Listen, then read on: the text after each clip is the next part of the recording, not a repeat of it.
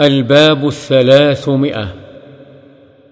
باب النهي عن ترك النار في البيت عند النوم ونحوه سواء كانت في سراج أو غيره.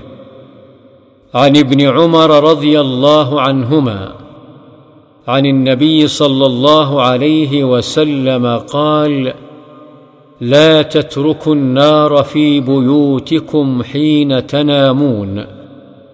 متفق عليه. وعن أبي موسى الأشعري رضي الله عنه قال احترق بيت بالمدينة على أهله من الليل. فلما حدث رسول الله صلى الله عليه وسلم بشأنهم قال إن هذه النار عدو لكم. فإذا نمتم فأطفئوها متفق عليه.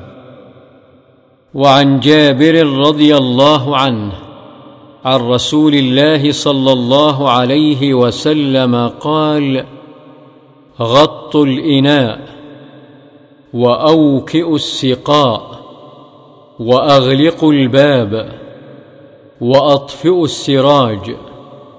فإن الشيطان لا يحل سقاء ولا يفتح بابا ولا يكشف إناء فإن لم يجد أحدكم إلا أن يعرض على إنائه عودا ويذكر اسم الله فليفعل فإن الفويسقة تضرم على أهل البيت بيتهم رواه مسلم.